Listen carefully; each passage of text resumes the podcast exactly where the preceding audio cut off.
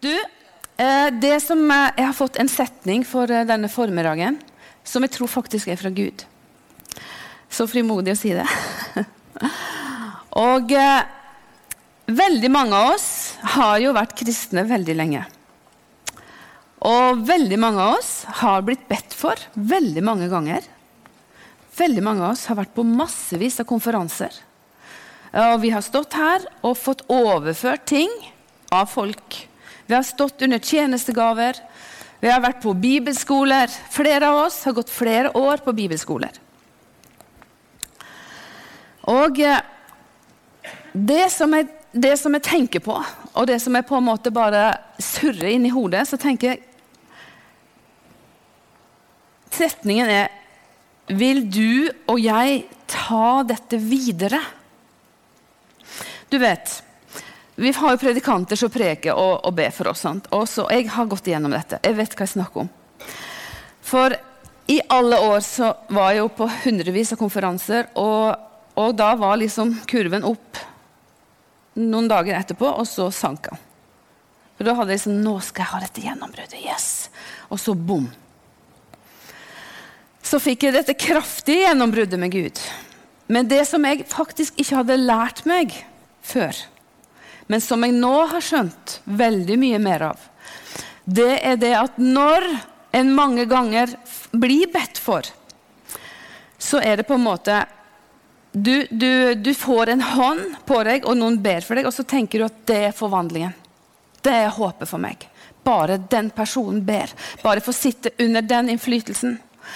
Men det viktigste valget som du tar når du går ut ifra et møte du har blitt bedt for, det er når du lukker døra for menigheten, så tenker du dette, Gud, skal jeg løpe etter.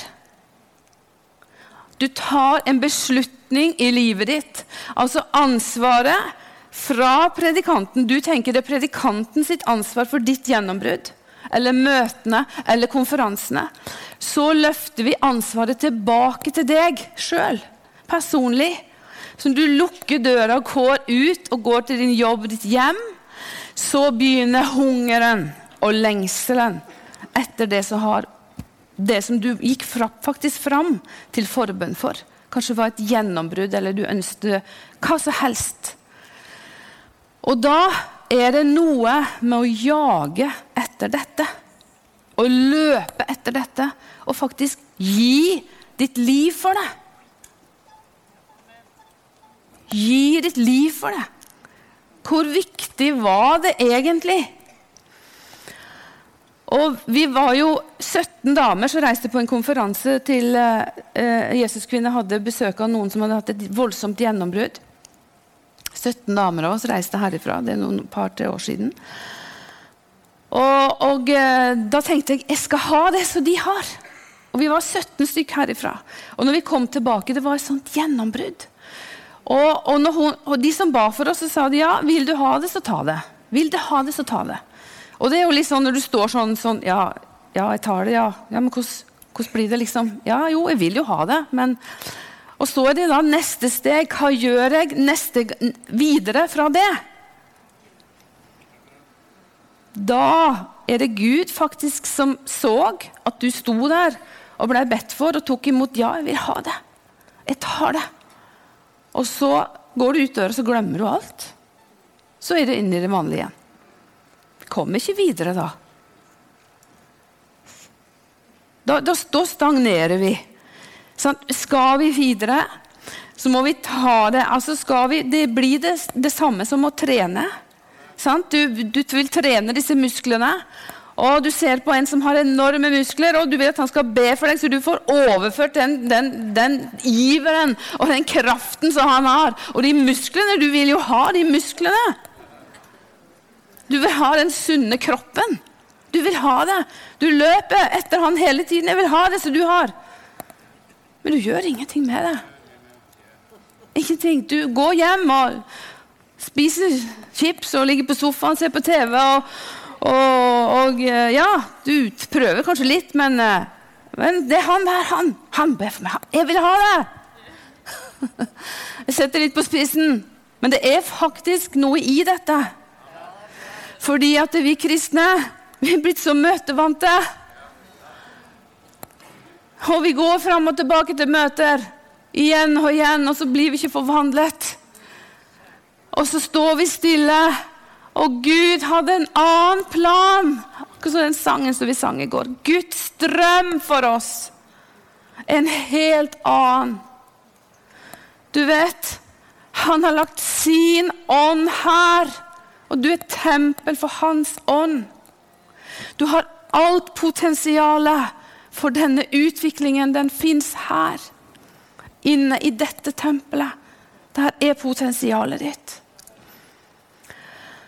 Og Vi var på en konferanse i Oslo, og, og da, gikk jeg bare helt bakerst i salen. Og så bare kom det en enorm nød over meg, og jeg så alle kristne. Og jeg vet jeg har vært der veldig mye selv som går fra møte til møte, fra møte til møte, fra møte til møte hele tiden. Fram og tilbake. Det skjer ingenting. Og vi, vi blir statuer av det. Vi blir også religiøse av det. Du kan gå i en trosmenighet, og de roper og de ber, og du, blir, du er helt uberørt. Fordi noen ganger så stivner vi bare, for vi bare sitter og gaper opp. Vi blir som barn. Og vi gjør ingenting med det vi har fått. Tar tak i det. Og Det er et alvor i dette òg. Og det, jeg opplever virkelig det er nød fra Guds hjerte som jeg har fått lagt på meg for dette møtet. For oss alle sammen. Og for meg personlig, som, som fikk dette enorme gjennombruddet med Gud i 2015, så har jeg virkelig et før og et etter. For jeg har levd dette livet så mange år. Til og med som pastorkone. Så har jeg mye religiøsitet og slet med veldig mange ting. Det, jeg sier ikke at jeg ikke hørte fra Gud, for det gjorde jeg. Og jeg leste min bibel og jeg ba. Men det var ikke den kraften og dette gjennombruddet som vi leser om i apostelens gjerninger, og som vi leser om som Gud hadde tenkt at vi skulle leve i. Det var ikke der. Og Jeg tror ikke at alle trenger en livsforvandlende opplevelse sånn som jeg for å klare å komme inn i dette. For jeg tror bare at vi trenger å våkne opp, og, og, og at ørene våre begynner å høre. Virkelig ordet. Det levende. Og at, ånd, at vi er tempel for Den hellige ånd. Dyrt kjøpt og betalt. Og hva er egentlig et tempel? Hva er et tempel? Det er et tempel er jo en plass der Gud er til stede. Wow, Gud skal være til stede. Gud skal kunne hvile i våre liv. Og Tror du ikke han syns det er forferdelig når vi bare springer fram og tilbake til møter hele tiden? Og på konferanser og alt. Og så, og så, og så klarer vi ikke å få fatt i det på en måte. Det blir bare sånn, litt sånn sammensurium. At vi klarer å få tak i kilden. Og noen ganger så får vi sånne trengsler og, og prøvelser. Sånn som, som, mamma, som, som ble frelst som 35-åring oppe i Ål. Og eh, bli alene med tre barn. For da ville ikke faren min ha noe mer med henne å gjøre, fordi hun hadde sånt lys over seg. Hun klarte ikke å være i huset med henne lenger. Og Da var det mye prøvelser og ensomhet som hun måtte gå igjennom, men hun fikk en enorm styrke av Gud gjennom det. Og venninnene hennes de ville ha det som hun hadde. Jeg vil ha det. Ja, men vil du ha den ensomheten? Vil du ha de, de, de prøvelsene jeg går igjennom? Nei, det vil de ikke. Men de vil ha. De vil ha det gjennombruddet. De vil ha den kraften og den ånden. Men det, kun, det produseres kun gjennom en lengsel, dyp, dyp lengsel med Gud.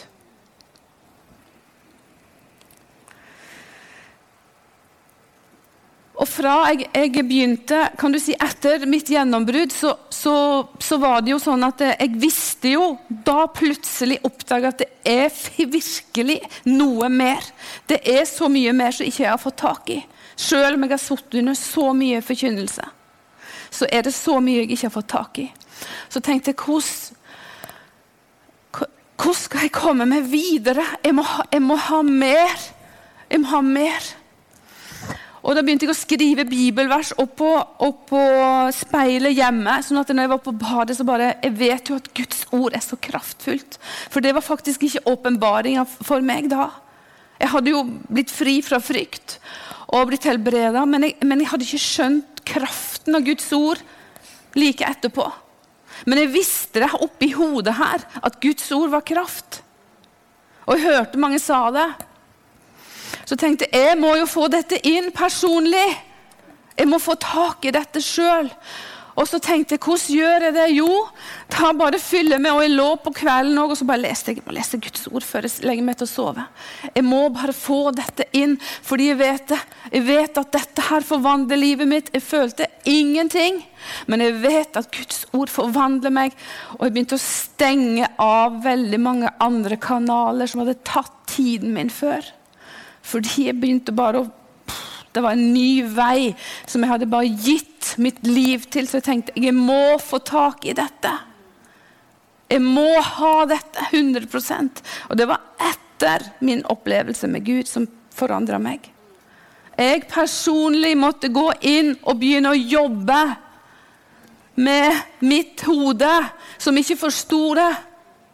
Men jeg visste det, og jeg tenkte jeg skal ha dette ordet ned her det kom, og det skjedde. Plutselig så var det en sånn der prosess.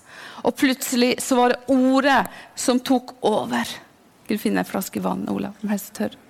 Så var det ordet som begynte å ta over i livet mitt. Uten at det var eget strev.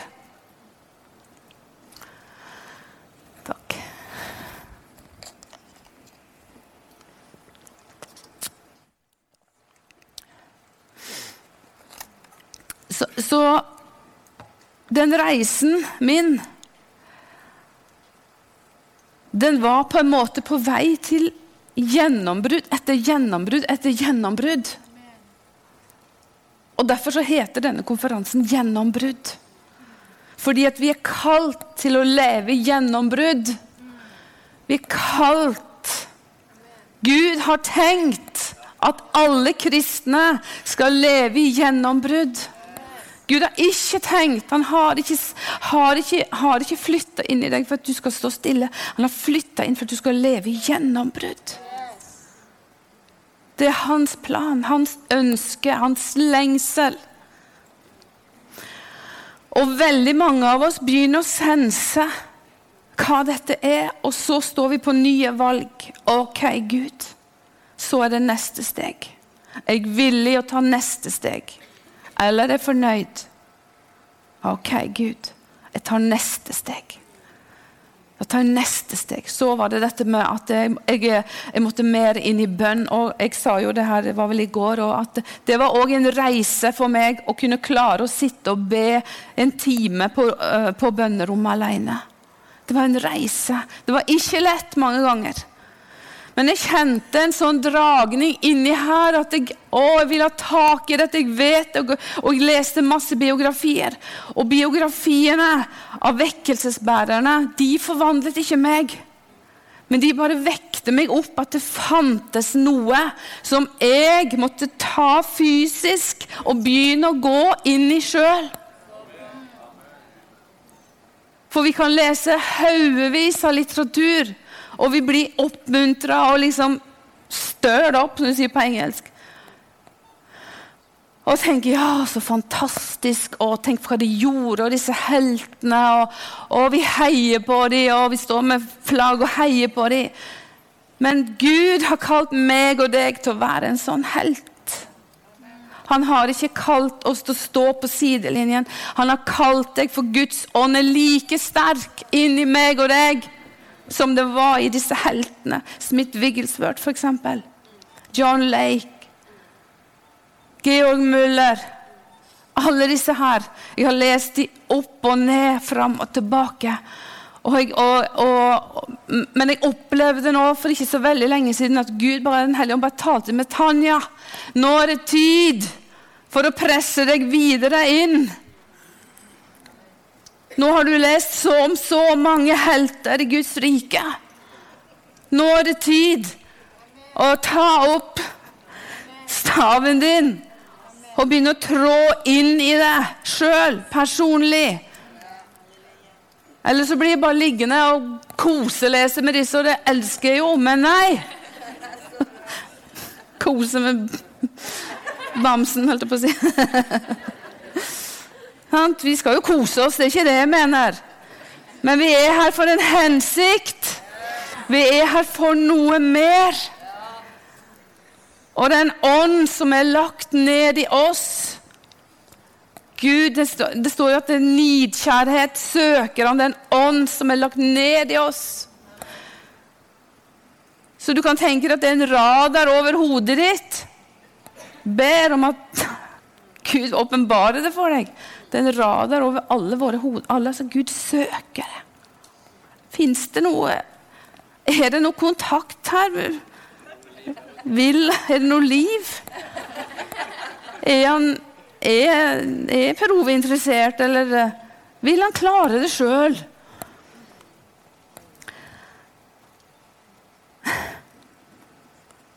Du, og det som jeg har lært meg så mange ganger òg, det at eh, jeg må bare være avhengig av han hele tiden. Fordi jeg er ingen predikant eller noe sånt.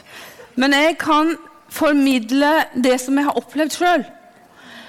Og hvis jeg skal begynne å, å, lære dere ut fra denne boka, her, så er det Per Ove og, de som har utdanning i dette. De kan alt dette her. så jeg har ikke noen, utdanning, pastorutdanning på den måten. Men jeg, jeg roper hver eneste gang jeg skal stå fram. Jeg er helt avhengig av Gud. Jeg er nødt til å ha Han hvis jeg skal kunne formidle noe. Fordi jeg vet at i meg sjøl så har jeg ingenting.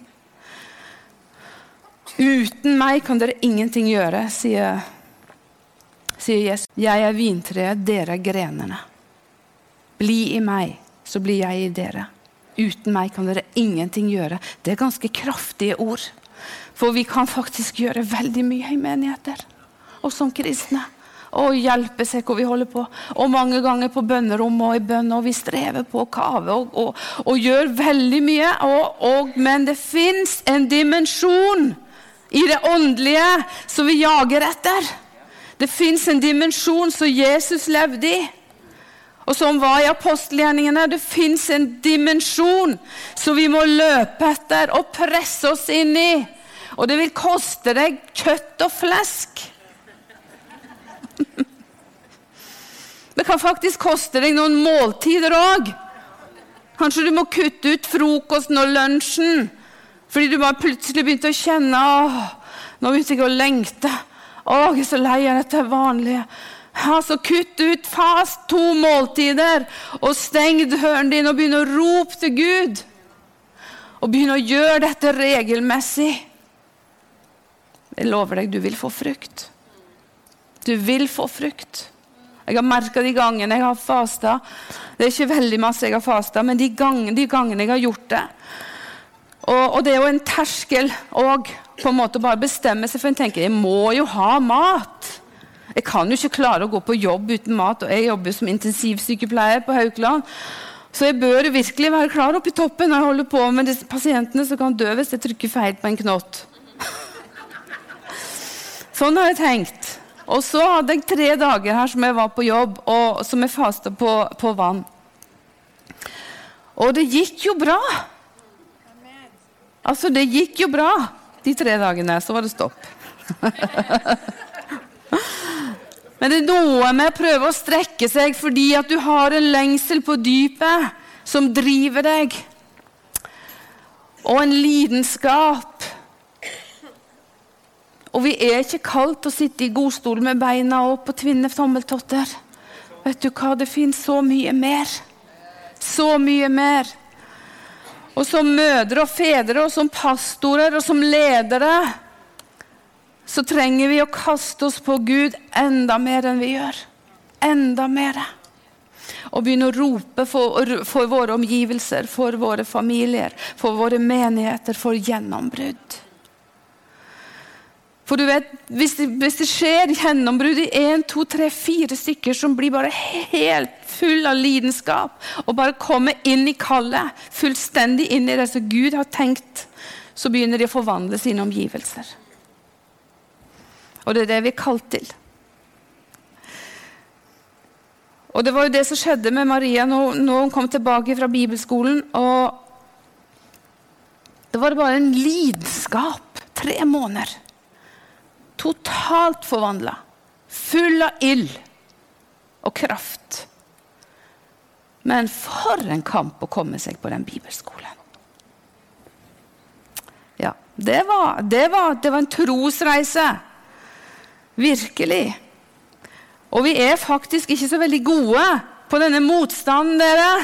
For vi tenker nei, det stenger seg, jeg gir opp. Det er så mye bedre dette vanlige. Jeg bare, jeg bare er i den sofakroken der, og da får jeg fred. Men jeg lover deg, hvis du vil gjøre noe i Guds rike, så må du opp. Da må du opp og begynne å bevege deg. Da må du begynne å gå. Og da møter du på motstand, men du må allikevel gå. Akkurat som Jesus. Han møtte masse motstand og hån, og, og, og, og, de ville steine han og dytte han utfor fjellet. Så mye motstand han møtte. Han sto for Guds rike og brakte Guds rike til oss. Det er en misjonær som heter Liv Kyllings, Kyllingstad. Og jeg har en bok av henne der ute. Jeg har lest den boken, den var helt fantastisk. Og Hun sier noe i den boken som, som grep meg veldig. som sier hun, De andre ville sett på motgangene og farene til å komme seg hjem. Men eh, jeg velger at det er hindre som må overvinnes for å fullbyrde kallet som jeg har fått fra Gud. Faktisk så er det noe som må overvinnes i våre liv. Og da må vi ta tak i dette og begynne å jage etter dette gjennombruddet. Og, og, når det er sånn at sånn som Roy Goodwin som har så mange mirakler sånn, så mange, så, å, Det skjer så mye rundt han. Så kan vi mange ganger tenke og, og at eh, ja, det skulle jeg virkelig ønske at, eh, at, jeg, eh, at, jeg, kunne få vandre i dette. Og hvis du lar det, det, det ønsket bli til en lengsel i deg, en dyp, dyp lengsel som går rett opp til himmelen. Da er radaren klar. Da skjønner Gud at hun, hun mener alvor. Og så begynner du å søke Gud skikkelig og presse på Gud. La meg se dette. Alt som du ser du vil ha, av som andre bærer av, kan du begynne å søke på dypet av ditt hjerte. Og presse på Gud. Gi meg dette. Og Det har vi sett med alle disse vekkelsesbærerne og alle de som bare får, i, får, gjort noe i Guds rike. Det blir ensomhet.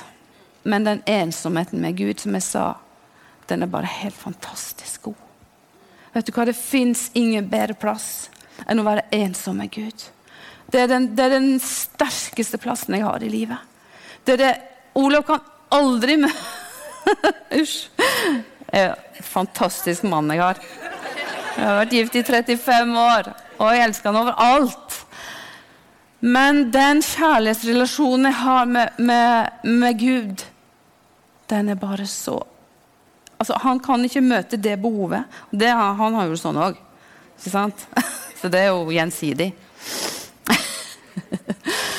Så, så det er noe med at alt annet blir på andreplass, og Gud på første i livet ditt. Mannen din må på andreplass. Barna dine må på andreplass. Jobben din, karrieren. Alt annet må på andreplass. Så må Gud først. Da skjer det en endring i livet ditt som gjør at Gud begynner å se her er det noe som jeg skal kraftig støtte og søke. Og du har Eh, han eh, Daniel Han er jo helt fantastisk. Jeg har lest mye Daniel. Og, og han, han, eh, Tre ganger om dagen så løp han opp disse flotte marmortrappene i slottet som han bodde. Eller tempelet. nei, det var ikke tempelet, det var et slott. Og så kastet han seg ned for Gud med lovprisning og bønn og takk. Tre ganger om dagen gjorde han dette. Daglig. Han hadde fått tak i noe som gav han en kraft. Som ga noe. Han gjorde ikke dette av gammel vane og religiøs plikt. Han hadde en dyp, dyp lengsel etter Gud. Etter et gjennombrudd med han. Og videre så, så, så står det om Daniel at eh, med det samme, I Daniel 9, 23 så står det med det samme du begynte å framføre dine ydmyke bønner, gikk det ut et ord, og nå er jeg kommet for å kunngjøre det. Så vi trenger hjelp. Ydmyke. Akkurat som Roy sa her på det første møtet. Han kasta seg på kne, og så sa han 'Jeg kan ikke be' når han flytta til uh, Faldenbrennen. 'Hjelp meg, jeg kan ikke lære meg å be. Jeg får det ikke til.' Ser du hvilket gjennombrudd han har fått? Fra hele verden reiser vi dit. Det er noe med ydmykhet og bare ta et steg tilbake. Gud, hjelp meg med dette. Hjelp meg med dette, Gud. Og da vil du lykkes, skjønner du. Da kommer han hver eneste gang, og det har jeg opplevd så mange ganger. For det er fort å komme inn i strev, men Gud vil hjelpe. Og, eh, og videre i, i Daniel 10,12 så står det fra den første dagen du vendte ditt hjerte til å vinne forstand og ydmyke deg innenfor din Guds åsyn, er dine ord blitt hørt. Vårt hjerte må vendes mot Han for å få ydmykhet og for å få forstand. Og da hører himmelen. Himmelen hører og notere nå. Nå skjer det noe i dette livet her. Nå er det noe med den damen på 60 år som har skjønt at hun faktisk har holdt på med mye religiøs plikt i veldig mange år. Nå begynner det å våkne opp noe i henne. Og da kommer Gud. Da kommer han.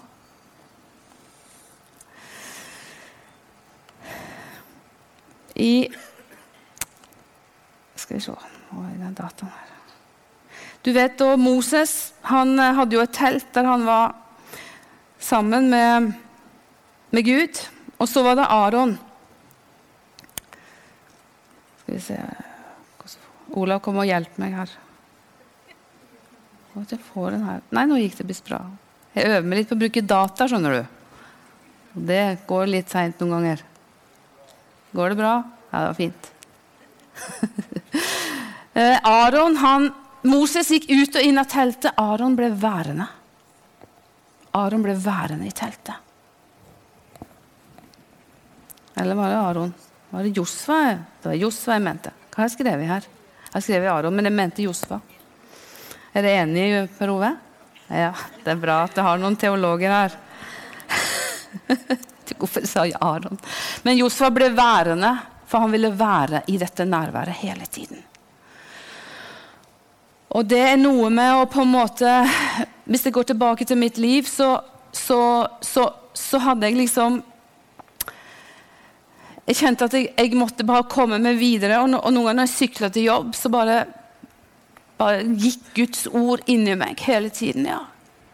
Og bare liksom Tankene på en måte bare gikk mot Guds ord og mot bønn. Og, og så, fokuset mitt var der hele tiden. Og det skapte et gjennombrudd i meg. Nå trenger jeg ikke å å, å, gjøre det på den måten, for nå, på en måte, nå er jeg på en måte kommet igjennom noe. Jeg kom brutt igjennom noe. Så når jeg, når jeg setter meg og leser, eller, eller, mange ganger skal være innenfor Gud, så på en måte er Så er bare Guds nærvær med en gang. For at det har brutt igjennom noe. Og det, Gud vil at vi skal leve i dette nærværet hele tiden hvile i dette nærværet. Bjørnstjerne Bjørnson han, han, sa noe veldig bra. Han sa 'Gjør meg stor i min lengsel, men ydmyk i min gjerning'. Gjør meg stor i min lengsel, men ydmyk i min gjerning. Og det er igjen og igjen Skal vi lykkes, så, så, er det ydmykhet innenfor Gud og mennesker som, som gjelder hele tiden. Og det må vi jobbe med. Hele tiden. Hver eneste dag. Og eh, i, i ordspråkene så står det 4-5 så står det 'kjøp visdom og kjøp forstand'. Og da er det sånn at du må bytte ut din egen visdom for å få hans visdom. Og du må bytte ut din egen forstand for å få hans forstand. For, for Guds ord faktisk Guds ord er sånn at det vil forvandle deg når du leser det. Det er en prosess. Så, så det, vil, det, vil, virke, men du må være villig på en måte å bare ta det inn. Og noen ganger, hvis du bekjenner lenge nok, så blir det en del av deg. Det var derfor jeg leverte ut disse, uh, disse her uh, med Guds ord på. Fordi det er noe som skjer når vi bare tar tak i dette ordet og bare banker det inn i her. Så kommer det her. Så blir det forvandling. Og da skjer det noe med bønnelivet òg.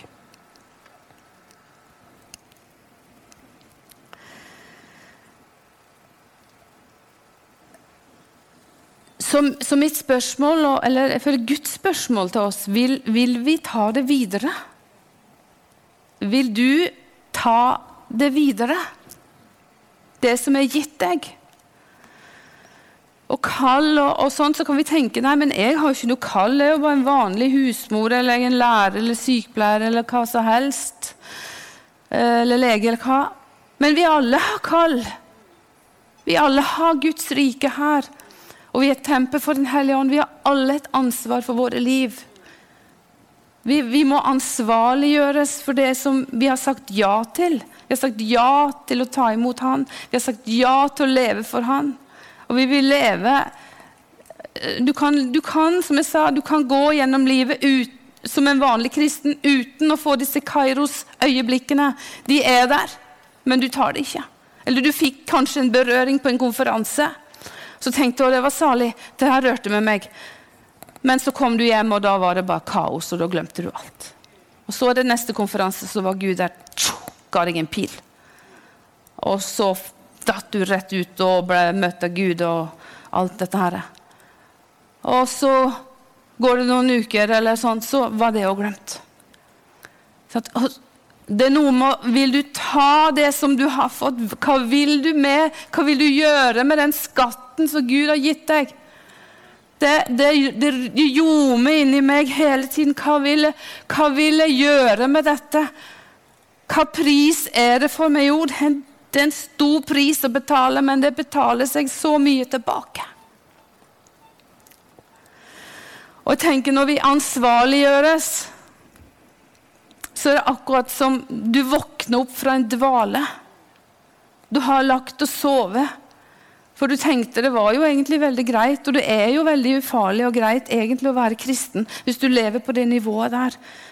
Der du bare går fram og tilbake og, og, og ikke presser deg inn gjennom og blir desperat etter noe mer. Det er veldig ufarlig. Men Gud hadde tenkt noe helt annet. så går du etter det. Går jeg etter det? Så det vil du skal huske på fra det som jeg har delt med deg, med deg i dag. Det at hva, hva, vil du gjøre med det som Gud har gitt deg?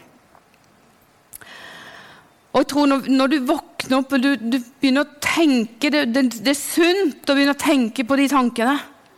Det er litt ubehagelig fordi du må ut av din egen komfortsone. Ut av det vanlige. Men det er sunt. Det er jo akkurat det samme som å, å få en utdanning. Ikke sant? Jeg vil så gjerne bli lege eller sykepleier.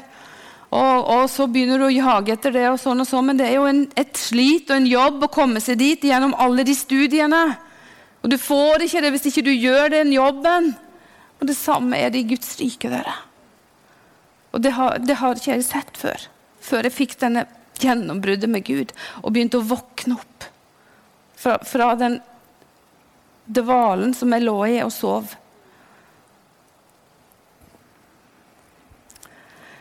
Men det er den beste plassen å være i for livet. Det er det absolutt beste. Du vil ikke noe annet når du begynner å smake dette livet her. Da, da er det bare det du vil. Du, bare, du vil bare være med Gud. Og du vil bare ha tak i dette. Og du, du, du gir alt for det. Og du lengter etter det hele tiden. Når den lengselen har kommet her, så den stopper aldri. For dette, liv, dette livet som har begynt her, det er, bare, det er bare en liten del av evigheten. Det er så lite, bitte liten stund vi er her. Så er evigheten. Men det livet som du har begynt med her med Gud, det skal det fortsette i evigheten. Det er bare et øyeblikk. sekund er vi her i Guds evighet. Bare et sekund så er vi her i hans øyne. Og hva kan vi gjøre den korte tiden?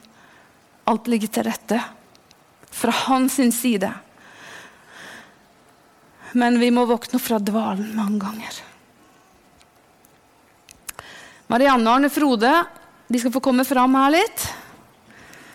Det er noen gode venner som eh, jeg har hatt i veldig mange år. Som har opplevd noe i livet sitt som de skal dele. Dette er fantastiske folk som eh, Ja, der kommer de. Gi dem en applaus. Jeg ta med en mikrofon her, da.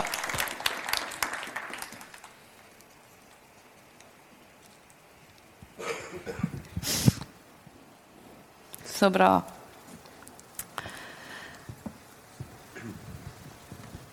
Marianne og Anne Frode har jo hatt en reise.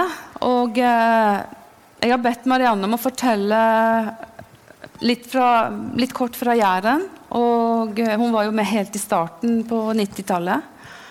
Hun var bønneleder på Jæren. Og så fortelle litt hva som skjedde fra en litt sånn tidssone for henne. Og Arne Frode skal fortelle etterpå hva han har opplevd. Vær så god.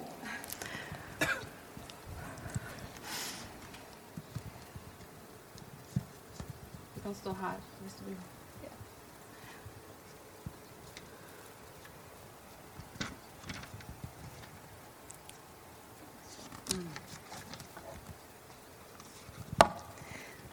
Ja. ja. Vi kom eh, til Jæren i 83, så det er veldig lenge siden. Så når vi gikk inn i menigheten, så var vi vel eh, menighetsmedlemmer nummer 18 og 19, tror jeg. og det var vekkelse, og det skjedde veldig masse ting. Masse mirakler som skjedde, og det var Ja. Eh, og så eh, Jeg var veldig engasjert i bønnearbeidet da. eh, men jeg skal ikke si så mye om det, da. Men eh, jeg kom jo til et punkt der jeg bare kjente at det ble rett og slett litt for mye og litt tøft. Eh, for jeg var en periode bønneleder og hadde en del små barn. Og jeg bare kjente at nå, nå klarer jeg ikke dette lenger. Eh, så jeg da trekte meg og fikk veldig dårlig samvittighet, for jeg følte på en måte at jeg hadde svikta Gud da. Så jeg levde jo videre med Herren, men det var liksom en eh, Jeg følte liksom på en sånn anklage av meg sjøl at jeg ikke strekte til. Um, og Det gjorde at jeg trekte meg litt vekk fra det der intime forholdet til Herren. Og så eh, kom jeg jo til Bergen. Eh, og Tanja og jeg har jo alltid vært gode venninner, i hvert fall i 28 år. Eh, og så eh, Hun fikk sitt gjennombrudd, da. Så, eh, så begynte hun jo å snakke om den der lengselen etter Gud. Og jeg tenkte ja, ja, jeg kjenner ikke noe lengsel. Og så uh, sa jeg til Herren at uh, du kan jo begynne å kanskje prøve å skape en lengsel i meg. Så jeg skal ut ballen til han, da. Og da merker jeg faktisk at det begynte å skje noe på innsida. Det begynte å komme en lengsel. Men samtidig så var jeg veldig litt eh, forarga når folk begynte å snakke om å ha Jesus som herre. fordi at eh, jeg tenkte på det strevet som jeg hadde vært i da, så jeg hadde på en måte syntes det ble for masse, og brente meg litt ut på. Eh, så jeg sa, sa til Jesus òg at eh, jeg vet jo du vil være min herre, og det betyr jo at du òg er min konge. Eh, men jeg syns det er vanskelig. Så jeg tenkte jeg får bare være ærlig. Jeg trenger ikke gjøre seg bedre enn jeg er. Så jeg sa da til Herren òg, at uh, du kan jo begynne å lirke med meg, da, men ta det litt forsiktig. Ikke sånn som med Tanja, men Ta det litt uh, sånn små steg, sånn at jeg er trygg. Og det gjorde han faktisk. Den hellige ånd er så uh, fantastisk. Han er en gentleman. Så han tok meg litt etter litt. Og når eh, to til tre måneder var gått etter jeg ba den bønnen, så bare kjente jeg at jeg, jeg vil ikke noe annet enn å ha maksimalt av det Gud har for meg. Og, eh, og at jeg vil bare at han skal gjennomsyre mitt liv til ånd, sjel og kropp. Og at han, jeg skal få tak i hans drømmer for mitt liv. Plutselig så ble det ikke så viktig med mine drømmer lenger, men hva hans drømmer for, for mitt liv. Så jeg bare eh, kjenner at jeg bare vil trenge meg på. Og det der intime livet med Gud er så fantastisk. Eh, så jeg, jeg, eh, opplever bare at det med det intime livet med Gud er bare blitt en sånn lidenskap. Så jeg eh, har jeg fri en dag, så tenker jeg kun jeg må få tid med Gud. Jeg må få tid. Én time, to timer, tre timer, fire timer. Det bare fyker av gårde. For det må bare trenge meg på, for det er så fantastisk. Og bare være ærlig, utøse hjertet mitt. Samtidig komme inn for han og, og påkalle han og minne han om løftene for barna våre. For, for andre folk. For å strekke ut teltpluggene og inkludere flere og flere i våre bønner. Ja. Veldig bra. Det har jo Det har jo skjedd noe med dere begge to. Arne Frode.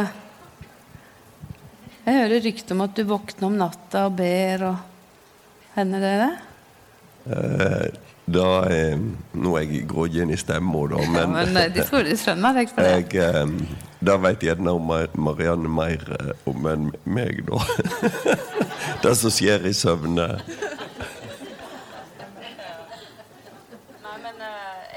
merker jo at uh, det har skjedd noe. Og uh, Det var flott.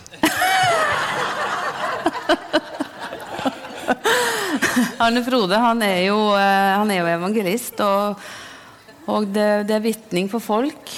Og du har fått en nød som, og en brann som på en måte ser ut til å bare øke på for folk. Stemmer dette? Ja.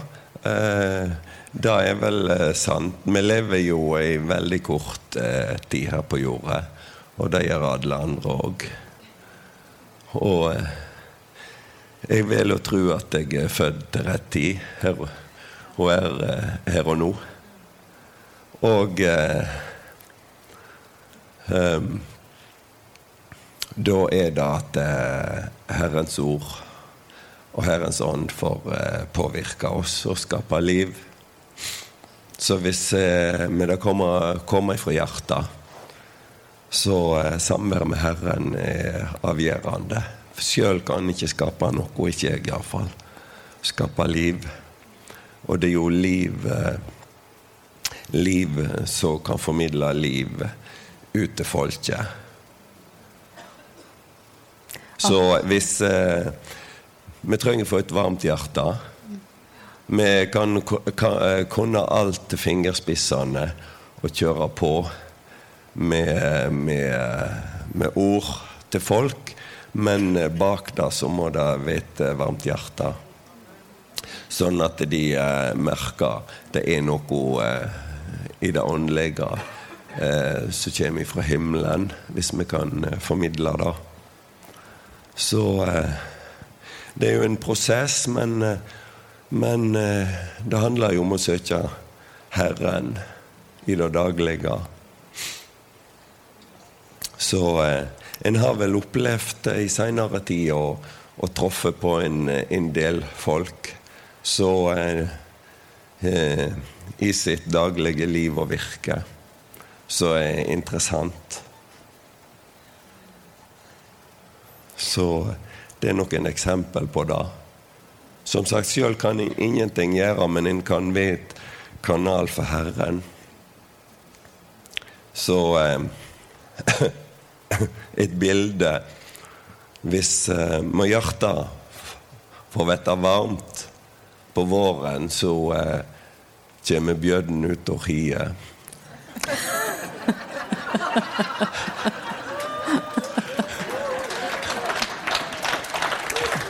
Når han våkner til, da, så, eh, så, kan han ut og, og, leve og gjøre det som er hans oppdrag. Ja. Amen. Så, mm. Amen. Takk skal du ha. Det er bra å få litt sånn uh, hverdagsfolk opp, ikke sant? Uh, nå er jeg egentlig ferdig, men uh, jeg har ett ord. Nå skal vi reise oss. Og eh, jeg går tilbake til den setningen som jeg opplevde jeg fikk fra Gud for, for denne samlingen. Vil du ta det videre? Den, den, er nå gitt til hver eneste en, alle vitner her. Den er gitt til dere alle sammen. Og det er jo ingen som skal svare på og andre om du tar dette. For det bestemmer jo du sjøl. Ikke sant? Men jeg håper at jeg har fått oppmuntra deg og, og, og, gitt deg noe som gir deg en lengsel etter noe mer. Og som du hørte som Marianne sa, om ikke du har den lengselen, så kan Gud gi den til deg. Fordi at når du oppdager at ikke du har noe, så begynner du faktisk å be. Og det er en lengsel i seg sjøl. Du kan bare komme på pianoet litt. Uh, og jeg har uh, Jeg har et bibelvers fra Salme 119, 112, som er enormt sterkt. Det må dere skrive opp. Og uh, vil du videre med Gud, skal du begynne å be dette bibelverset når du er i ditt bønne, bønnestund eller bønnerom. Um, det er ikke så veldig lenge siden jeg oppdaga det bibelverset, Salme 119, vers 112. Der er det kommet. Men når jeg oppdaga det bibelverset, så skjønte jeg at uh, dette er et veldig, veldig sterkt bibelvers. Og det er en enorm proklamasjon som jeg kan tale ut over mitt liv, over mine omstendigheter. og som handler om nåtid, og som handler om evigheten.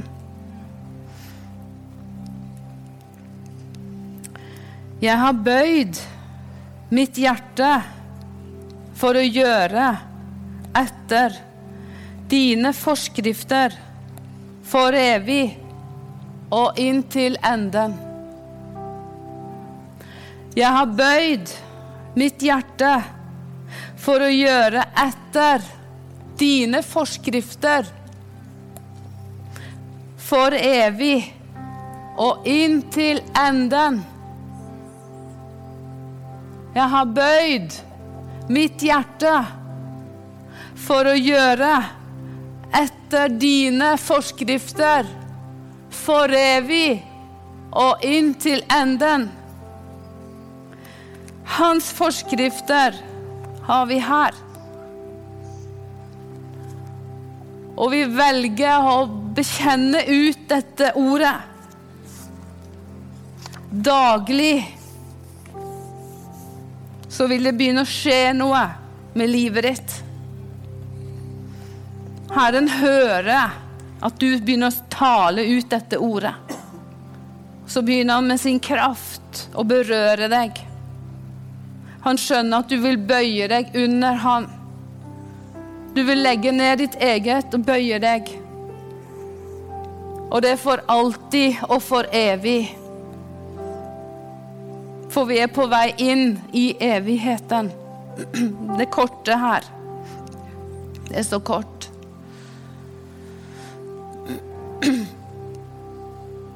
Så hvis vi alle tar og Jeg har skrevet opp dette bibelverset her. På side nummer to, tror jeg, i Bibelen. Fordi at jeg ønsker å bli minnet på det hele tiden. Jeg ønsker å leve i dette. At jeg har bøyd mitt hjerte mot dine forskrifter for evig og for alltid. For dette er rettesnoren.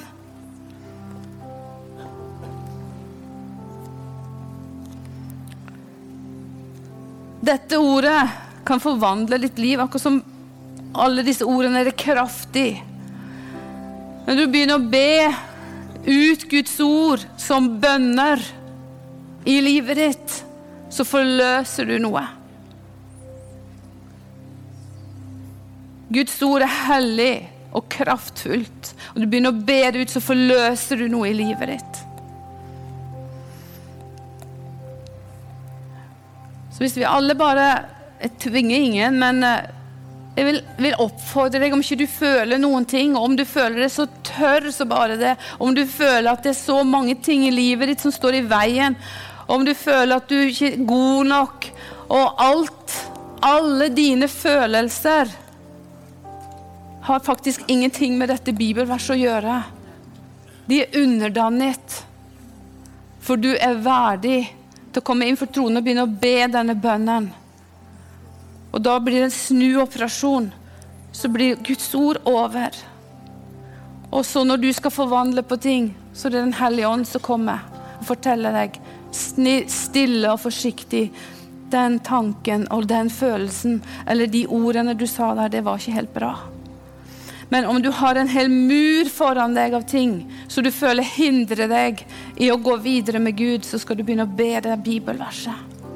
For da begynner Gud å bøye hjertet ditt under, og du bekjenner at jeg bøyer mitt hjerte, legger mitt hjerte under dine forskrifter. For evig og inn til enden. Og vi, har bare, vi vet aldri hvor lenge vi skal leve, noen av oss. Vi tenker jo vi skal bli gamle, men vi har jo ingen garanti, noen som helst. Så det, det er veldig smart å begynne med dette nå, underdanne deg under Guds ord, og la det få den autoriteten som det skal ha i deg. Og når prøvelsene kommer, og stormene begynner, så ber du det ordet. Jeg har bøyd mitt hjerte mot dine forskrifter for evig og inntil enden så blir det som en hammer som slår på disse tingene. Så må det bøye seg. Fjell etter fjell etter fjell etter fjell, og motstand etter motstand.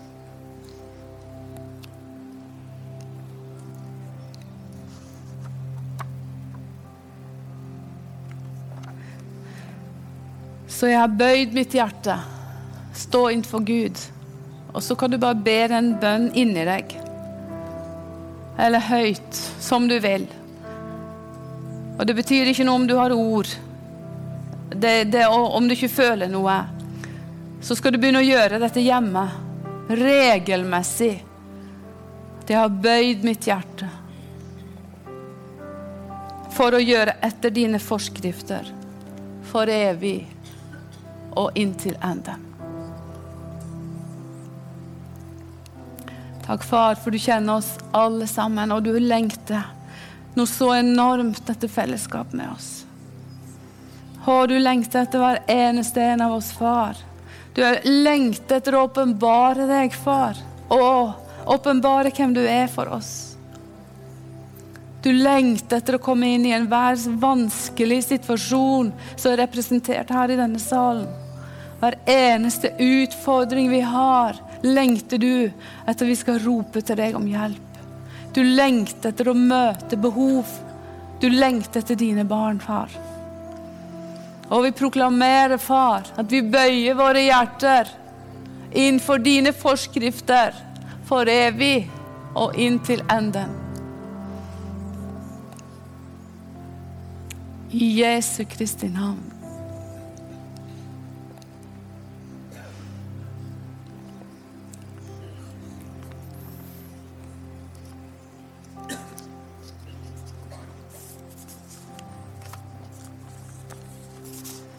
Jeg vet at det er mange her som har kjent at Gud har talt til dem i dag. Og, og husk på en ting. La aldri fordømmelse og, og eget strev begynne å ka... Hvis du begynner med det sant? Det er aldri fra Gud. Den hellige ånd kommer alltid med en, en, en Han lokker deg inn i, i sitt, sin favn og tar deg videre på veien. Så jeg må stoppe opp mange ganger sjøl. Nå, Tanja, nå er du litt på feil retning. Nå må, du, nå må du inn på den veien igjen. Nå må du inn der. Men da hjelper dette ordet meg mange, mange ganger. Bare ber det ut.